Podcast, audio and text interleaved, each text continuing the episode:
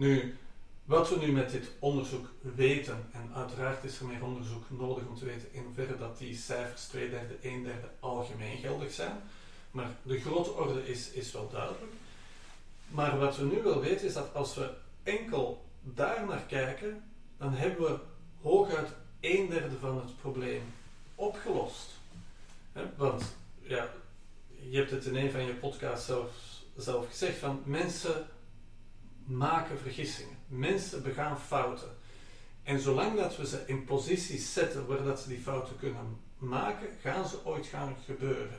En zolang dat we ons onderzoek enkel gaan richten op die periode waarin dat die mensen fouten maken, gaan we nooit de omgeving creëren waar dat ze die niet kunnen maken, of in ieder geval minder kunnen maken. En dus dat is een eerste element wat dat belangrijk is, is dat managers, wanneer je dat aan hun toont, en misschien zelfs met data van hun eigen bedrijf gaat aantonen, en kijk, dit zijn de beslissingen die door jullie zijn genomen, die dat hebben veroorzaakt, dat ze bijna een aha-moment gaan krijgen.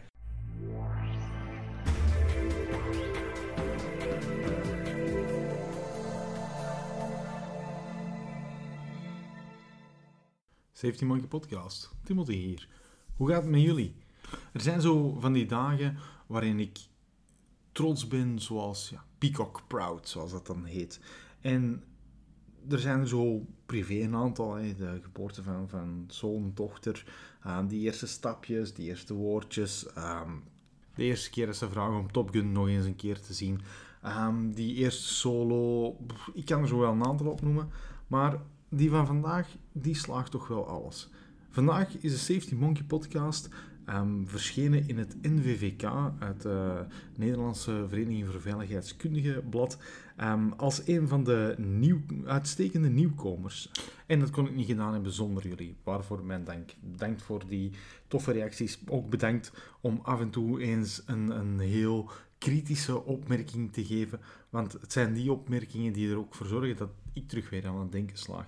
Hoewel dat ik ook moet toegeven dat naast een klassebak zoals de Safety of Work podcast te mogen staan, toch wel um, terug de voetjes aan de grond zet. Um, voor zij die deze nog niet kennen, Dr. David Proven en Dr. Drew Ray brengen jullie elke week toch wel een iets kritischere blik op de wetenschap van het werk en veiligheid, maar ook de veiligheid van het werk. En dat is wel een heel toffe combinatie. Um, zij bekijken elke keer een aantal papers en, en gaan daar de voor- en tegenstanders van bekijken. Wat toch wel pittige discussie geeft en, en je ook wel de vrijheid geeft om zelf je mening te vormen. Wat ik denk dat we allemaal wel goed kunnen gebruiken om onze mening beter gefundeerd te vormen. Vandaag hebben we iemand dat uh, hiervoor ook al op de podcast is geweest, uh, Philip Kouwmans. En Philip en ik hebben deze podcast opgenomen in toch wel heel andere tijden dan nu. Um, hij is eigenlijk de avond voordat de lockdown begonnen is, voordat de uh, restaurants dicht moesten, um, opgenomen geweest. En het is zo een die ik eigenlijk bewaarde voor het juiste moment. En met vorige week Gerard Zwetsloten hebben gehad, um, denk ik dat nu wel is om van Vision Zero ook eens over te stappen naar wat is nu die capaciteit en de gevolgen van het gebrek aan capaciteit bij management. Want vandaag vertelt Philippe ook wat de gevolgen zijn van wanneer dat management niet de juiste middelen en prioriteiten geeft. En in de intro hoorde je het al. Een derde van de beslissingen wordt genomen tijdens het operationele. En twee derde wordt genomen lang daarvoor. En dat gaat over incidenten. En Philip maakt hier een heel mooie case over hoe dat management kan zorgen dat je SIFP's, de Serious Incident and Fatality Precursors, of zonder de P, de Serious Incident and Fatalities, dat je die kan vermijden. En ik denk dat dit een podcast is waarbij alle argumenten zitten die je kan meenemen naar die management review om te zeggen van we hebben meer middelen, meer tijd nodig, want we willen de juiste prioriteiten stellen. En koppel die ook eens terug aan wat Gerard vertelde vorige week aan dat je management vooral um, wilt horen dat ze een, een, deel willen zijn van iets positiefs en niet een deel van het probleem.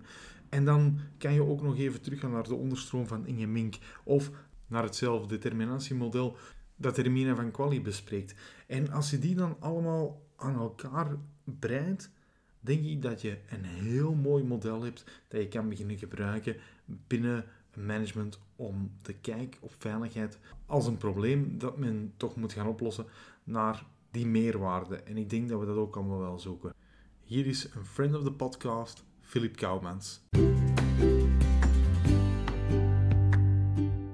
Hey, dag Filip, uh, welkom terug op de Safety Monkey podcast. De vorige keer dat we in gesprek waren, hebben we het vooral gehad over de verschillen tussen die safety manager en, en zijn, zijn operationele en financiële collega's. Maar is er dan niks dat, die, ja, dat ze gezamenlijk als doel hebben? Ja, uiteraard zijn er, zijn er zaken die ze gezamenlijk als, als doel hebben. Uh, ik denk hetgeen dat het meest duidelijk is, is dat, dat ze allemaal als hun soort van primaire doelstelling hebben dat ze geen ernstige of dodelijke ongevallen willen hebben. Uh, ik denk als je gaat praten met een, uh, met een CEO en je vraagt hem waar ze van wakker liggen, ja, dan, dan is het niet dat iemand morgen een papercut gaat hebben. Dan is het wel dat ze schrik hebben dat iemand zich ernstig gaat verwonden of laten we hopen van niet dat het een dodelijk ongeval is. En, en, en daar zullen ze altijd alle mogelijke steun voor geven aan een safety manager. Mhm.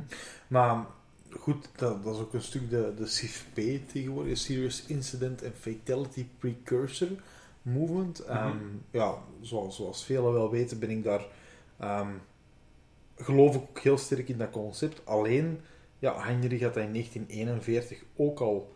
Kraus heeft daar in 2010 ongeveer mhm. een nieuw onderzoek naar gedaan. Wat trouwens ook heel interessant is, 60 jaar later helemaal verschillende wereld dan 60 jaar geleden. Was zijn conclusie dan zo anders dan die van Heinrich? Wel, ik denk niet dat die, dat die zo verschillend was. Hè. Um, toch, als je, als je zoals Karsten Bush heeft gedaan, als je, als je leest wat hij daadwerkelijk geschreven heeft. Nu, waar is dan misschien het belang van, van dat nieuwe onderzoek in 2010? Dat is eigenlijk dat hetgeen Heinrich geschreven heeft in zijn boek en ook ergens heeft aangehaald, dat dat volledig verwaterd is en verdwenen is ten opzichte van die ratio 1,29,300, dus de, dus de befaamde uh, driehoek van Heinrich. En het enige wat mensen zich vandaag de dag, en ik veralgemeen natuurlijk, zich herinneren van het werk van Heinrich, dat is die driehoek. En ze hebben die driehoek dan ook gebruikt om niet alleen de ja, descriptieve correctheid van die driehoek, met name dat er minder ernstige ongevallen zijn dan, noem maar, lost time injuries, dan um, ehm, uh, eh, EHBO-gevallen, dat ze dat ook hebben omgedraaid en voor 100% predictief hebben gemaakt. Iets wat inderdaad Heinrich, als je zijn boeken leest, uh, niet zo heeft bedoeld en niet zo heeft gezegd. Maar dat is wel wat we sinds ja, waarschijnlijk de jaren 40 of 50 heel de tijd zo hebben gedaan. Mhm. Ja, want ik denk dat, dat de goede... De goeie, uh, er, er is, als het over ongevallen gaat, natuurlijk geen goed voorbeeld. Maar wel um, de voorbeeld die tot, meest tot de verbeelding spreken, de, de Piper Alpha. Mhm. En, um, en recent nog een Deepwater Horizon. Deepwater Horizon, eeuwen zonder, uh, zeven jaar zonder ongeval. En in één keer, boom, 15 dodelijke slachtoffers te betreuren. Um, waarbij dat heel die driehoek wordt omgekeerd, maar ook zoals Karsten zei, het ging helemaal niet om die ene dode per 300 papercuts. Het ging er om dat als je zwakke signalen kunt detecteren, dat je mogelijk een dodelijk slachtoffer kunt voorkomen. Juist.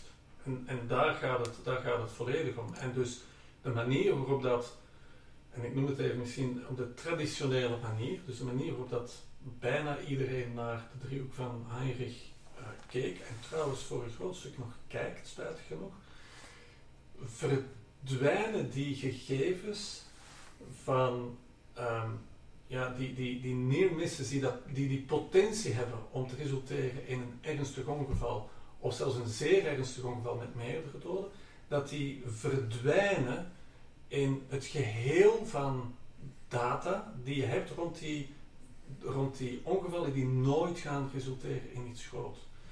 Het, een, een heel simpel voorbeeld wat dat betreft is, um, is bijvoorbeeld iemand die op de parking van een fabriek uitglijdt, valt, zijn enkel ernstig verzwikt en de dag daarna niet kan komen werken. Nou, waar valt dat onder? Typisch is dat een, uh, ik neem even de Engelse term, lost time injury, slip, strips en falls. Die man heeft pech gehad. Veel ernstiger zou het waarschijnlijk niet geworden zijn. Kan die man daaraan doodgaan? Ja, dat, dat zou kunnen, maar die kans is extreem klein.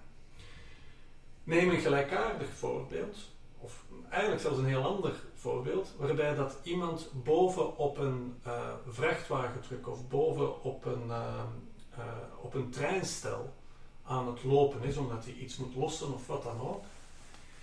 Die man glijdt uit, houdt nog juist op het nippertje de reling vast of kan zich ergens aan vasthouden, maar in heel dat gebeuren verzwikt hij zijn enkel. Potentieel is wel veel groter. Ja, maar het is ook lost time injury, slips, trips en falls voor mhm. veel bedrijven. Is dat het verschil en, tussen... En dus wat waar zit het probleem in? Is dat zolang we niet met dat potentieel rekening houden, dat die paar evenementen waar we veel uit kunnen leren, dat die verdwijnen in de massa van, met alle respect, niet zo interessante gegevens. Mhm. Is het probleem dan niet eerder dat we mm, te veel dashboard management aan het doen zijn, te weinig oh shit momenten aan, aan het capture zijn? Want degene die daar op die parking zijn enkel verzwikt, goh ja, bon, je kunt daar systeemgedreven wel heel wat aan doen, maar je kunt dat niet uitsluiten. Terwijl die man die daar op dat treinstel staat, een meter of vier boven de grond, die bijna valt, dat is toch potverdikke wel een, een, een serieus oh shit moment. Ja, dat is inderdaad een serieus oh shit moment. En wat dat je vandaag, nou, ik veralgemeen, maar wat dat je spijt genoeg vaak, vaak ziet, is dat ook daar men zich gaat focussen op ja, het gedrag van die persoon. En, en dat men zegt van, oh, we moeten de mensen een training gaan geven, zodanig dat ze ehm, eh, gaan nadenken over werken op hoogte en de, de, de voorzorgsmaatregelen die je daar rond moet nemen.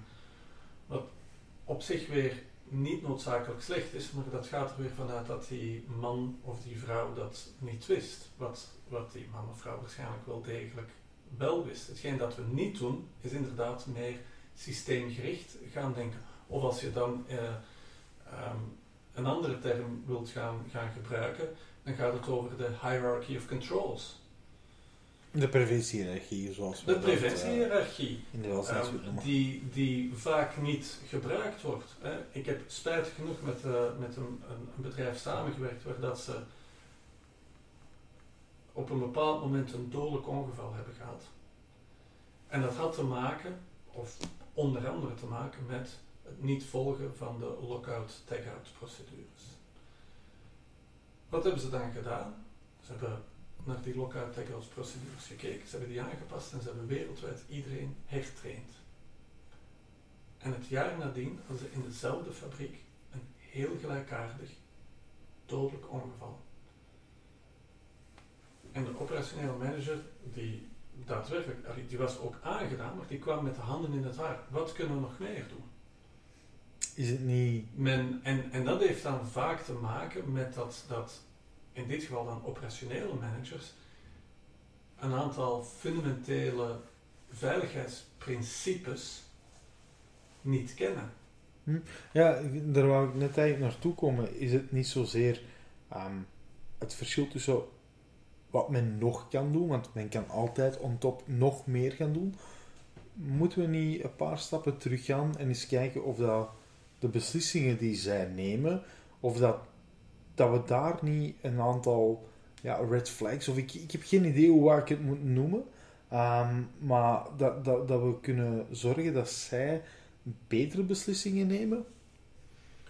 Uh, ja, absoluut. Allee, ik denk ook dat, is ook, dat is ook iets waar dat we binnen, um, binnen Kraus Belgroep, dus samen met Tom Kraus onderzoek uh, naar gedaan hebben. En, en eigenlijk bestond het onderzoek erin dat we met een aantal um, bedrijven in op dat moment een zestigtal daadwerkelijke, ernstige en dodelijke ongevallen hebben onderzocht. En wat we voor elk van die ongevallen hebben gedaan, is dat we zijn gaan terugkijken in de tijd en hebben proberen uitvissen welke beslissingen er genomen zijn die mee dat ongeval hebben veroorzaakt. En als ik het heb over welke beslissingen, dan, dan gaat het over welke beslissing er door wie in de organisatie, en eigenlijk moet je dan kijken door welk niveau in de organisatie uh, die genomen wordt, en op welk moment ten opzichte van dat ongeval dat het genomen is geweest. Het laatste element dat we daarbij bekeken hebben is de mate waarin, en nu komt een, uh, een, een, een technische term, cognitive bias, een invloed heeft gespeeld in het nemen van die beslissingen. Nu, dat is misschien iets, iets voor maar het eerste gaat erom welke beslissingen door wie genomen en wanneer ten opzichte van dat ongeval um, hebben, hebben plaatsgevonden. En wat we daarin hebben gezien, is dat van alle beslissingen, dat een derde, ongeveer een derde, genomen werden op de werkvloer. Dat wil dus zeggen, de operator of zijn direct leidinggevende. De mensen die aanwezig zijn, mm continu of bijna continu op de werkvloer. Getting stuff done. getting, getting stuff done. Maar dat wil ook zeggen dat twee derde van de beslissingen genomen werden op niveaus daarboven. Zijn er hm, typisch plant management niveau, maar ook corporate management uh, en, en ja, het, het veiligheidsmanagement op, op hogere niveaus. Twee derde van die beslissingen werden op dat niveau genomen. Het wordt zelfs nog frappanter als we gaan kijken naar wat we ja, pivotal decisions noemen. En wat is een pivotal decision? Dat is een beslissing die andere beslissingen mogelijk maakt. En kun je daar een voorbeeld van geven? Ja, daar, daar kan ik zeker een voorbeeld van geven. Uh, bijvoorbeeld wanneer een, uh, een bedrijf een raamcontract onderhandelt met een, uh, met een onderaannemer om bepaalde diensten te gaan leveren in de toekomst, dan zitten daar vaak ook voorwaarden in die te maken hebben met hoe snel dat het, het bedrijf, de onderaannemer, oproepbaar is. Dus hoe snel dat zij problemen moeten kunnen oplossen. Bijvoorbeeld binnen de twee dagen nadat de klant heeft gezegd van we zitten hier met een probleem. En die onderaannemer, wanneer dat hij dat hoort, dan denkt van ja, in de meeste gevallen zal mij dat wel lukken, maar natuurlijk, ik heb ook andere klanten, dus er zullen wel gevallen zijn waar dat moeilijk is. Nu, op dat moment denken zowel de klant als de onderaannemer dat dit een puur operationeel probleem is. Alleen wat, wat gebeurt er dan soms, hè, is dat er zo'n oproep binnenkomt en dat op dat moment die onderaannemer inderdaad met veel andere klanten bezig is zegt dan, dat is een probleem. Ik heb niemand. Ja, maar contractueel moeten we dat wel doen. Dus we gaan iemand anders sturen. En dat is dan, spijtig genoeg, iemand die minder competent, of misschien anders competent is een beter woord, maar die voor die specifieke job niet de ervaring heeft die je eigenlijk zou moeten hebben om dat op een goede en veilige manier te kunnen uitvoeren. En dan riskeer je dus inderdaad in een situatie te komen waar die persoon op het terrein een beslissing neemt die niet gelukkig is, wat resulteert in een ongeval of een bijna ongeval.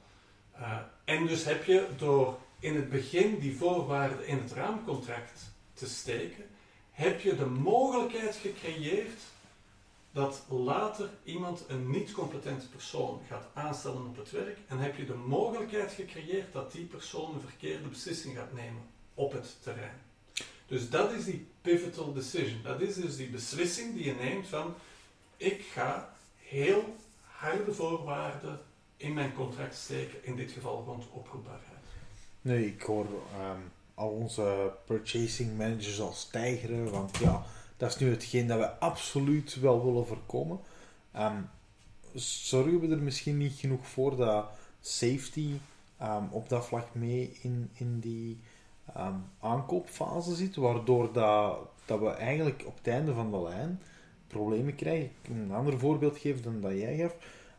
je hebt een contractor, kan contractor staalwerken. Um, en contractor staalwerken is 20 man groot.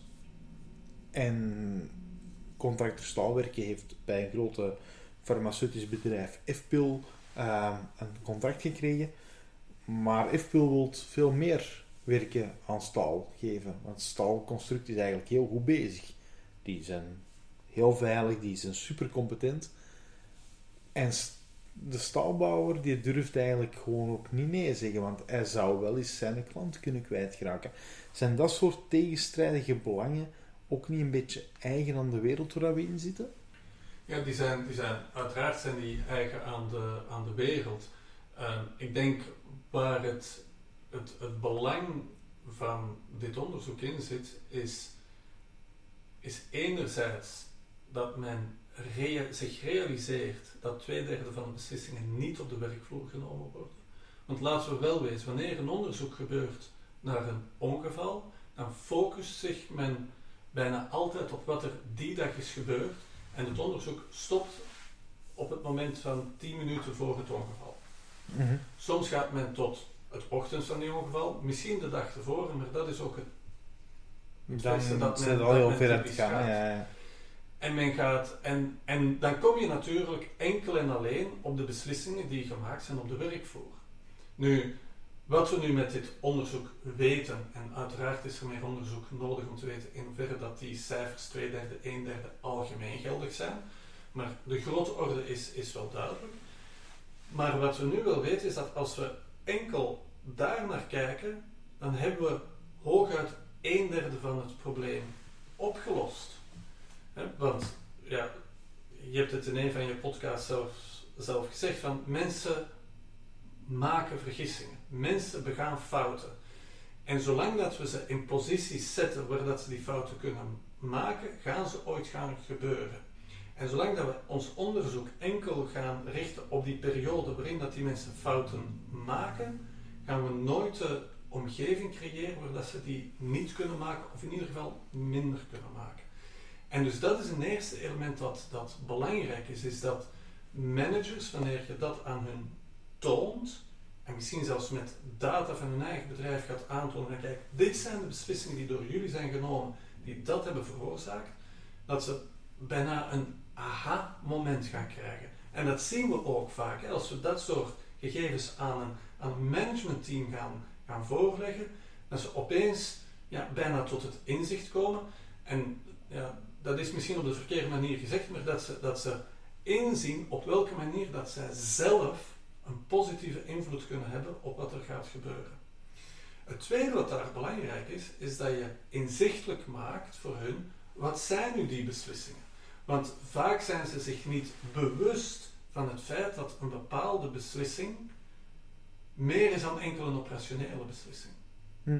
Ja, en, je loopt er ook ergens de, het risico of de, de, de valkuil dat, hè, waar mijn, mijn grote kritiek ten opzichte van behavior-based safety is dat, dat je het, het, de, de sharp end de schuld gaat geven, dat, dat je eigenlijk de blunt end zijnde, ja, degene die het beleid maken, dat je die de schuld gaat geven. Maar je, je, blijft de schuld geven dan, ja. denk ik dan ook weer. Ehm, kunnen we die, die CEO's, ehm, hoe kunnen we die dan dichter bij de vloer brengen en die operationele ja, connectie maken. Want uiteindelijk hoor ik heel vaak van ja, je hebt enkel de, de, de frontline supervisors nodig die daar um, met de mensen gaan babbelen en dan komt het allemaal goed. Terwijl dat mijn gevoel zegt dat dat toch niet echt het eindpunt is. Nee, en, en dat is ook, kijk, het is natuurlijk ook zo dat met hetgeen uh, ik nu juist heb verteld, dat men dat gaat kunnen begrijpen als, ah ja, nu gaan we, nu gaan we met z'n allen lekker gaan schieten op die managers. Hè? Hmm. Vroeger hebben we geschoten op de medewerker, nu gaan we schieten op de manager. Dat is uiteraard niet, eh, niet de bedoeling.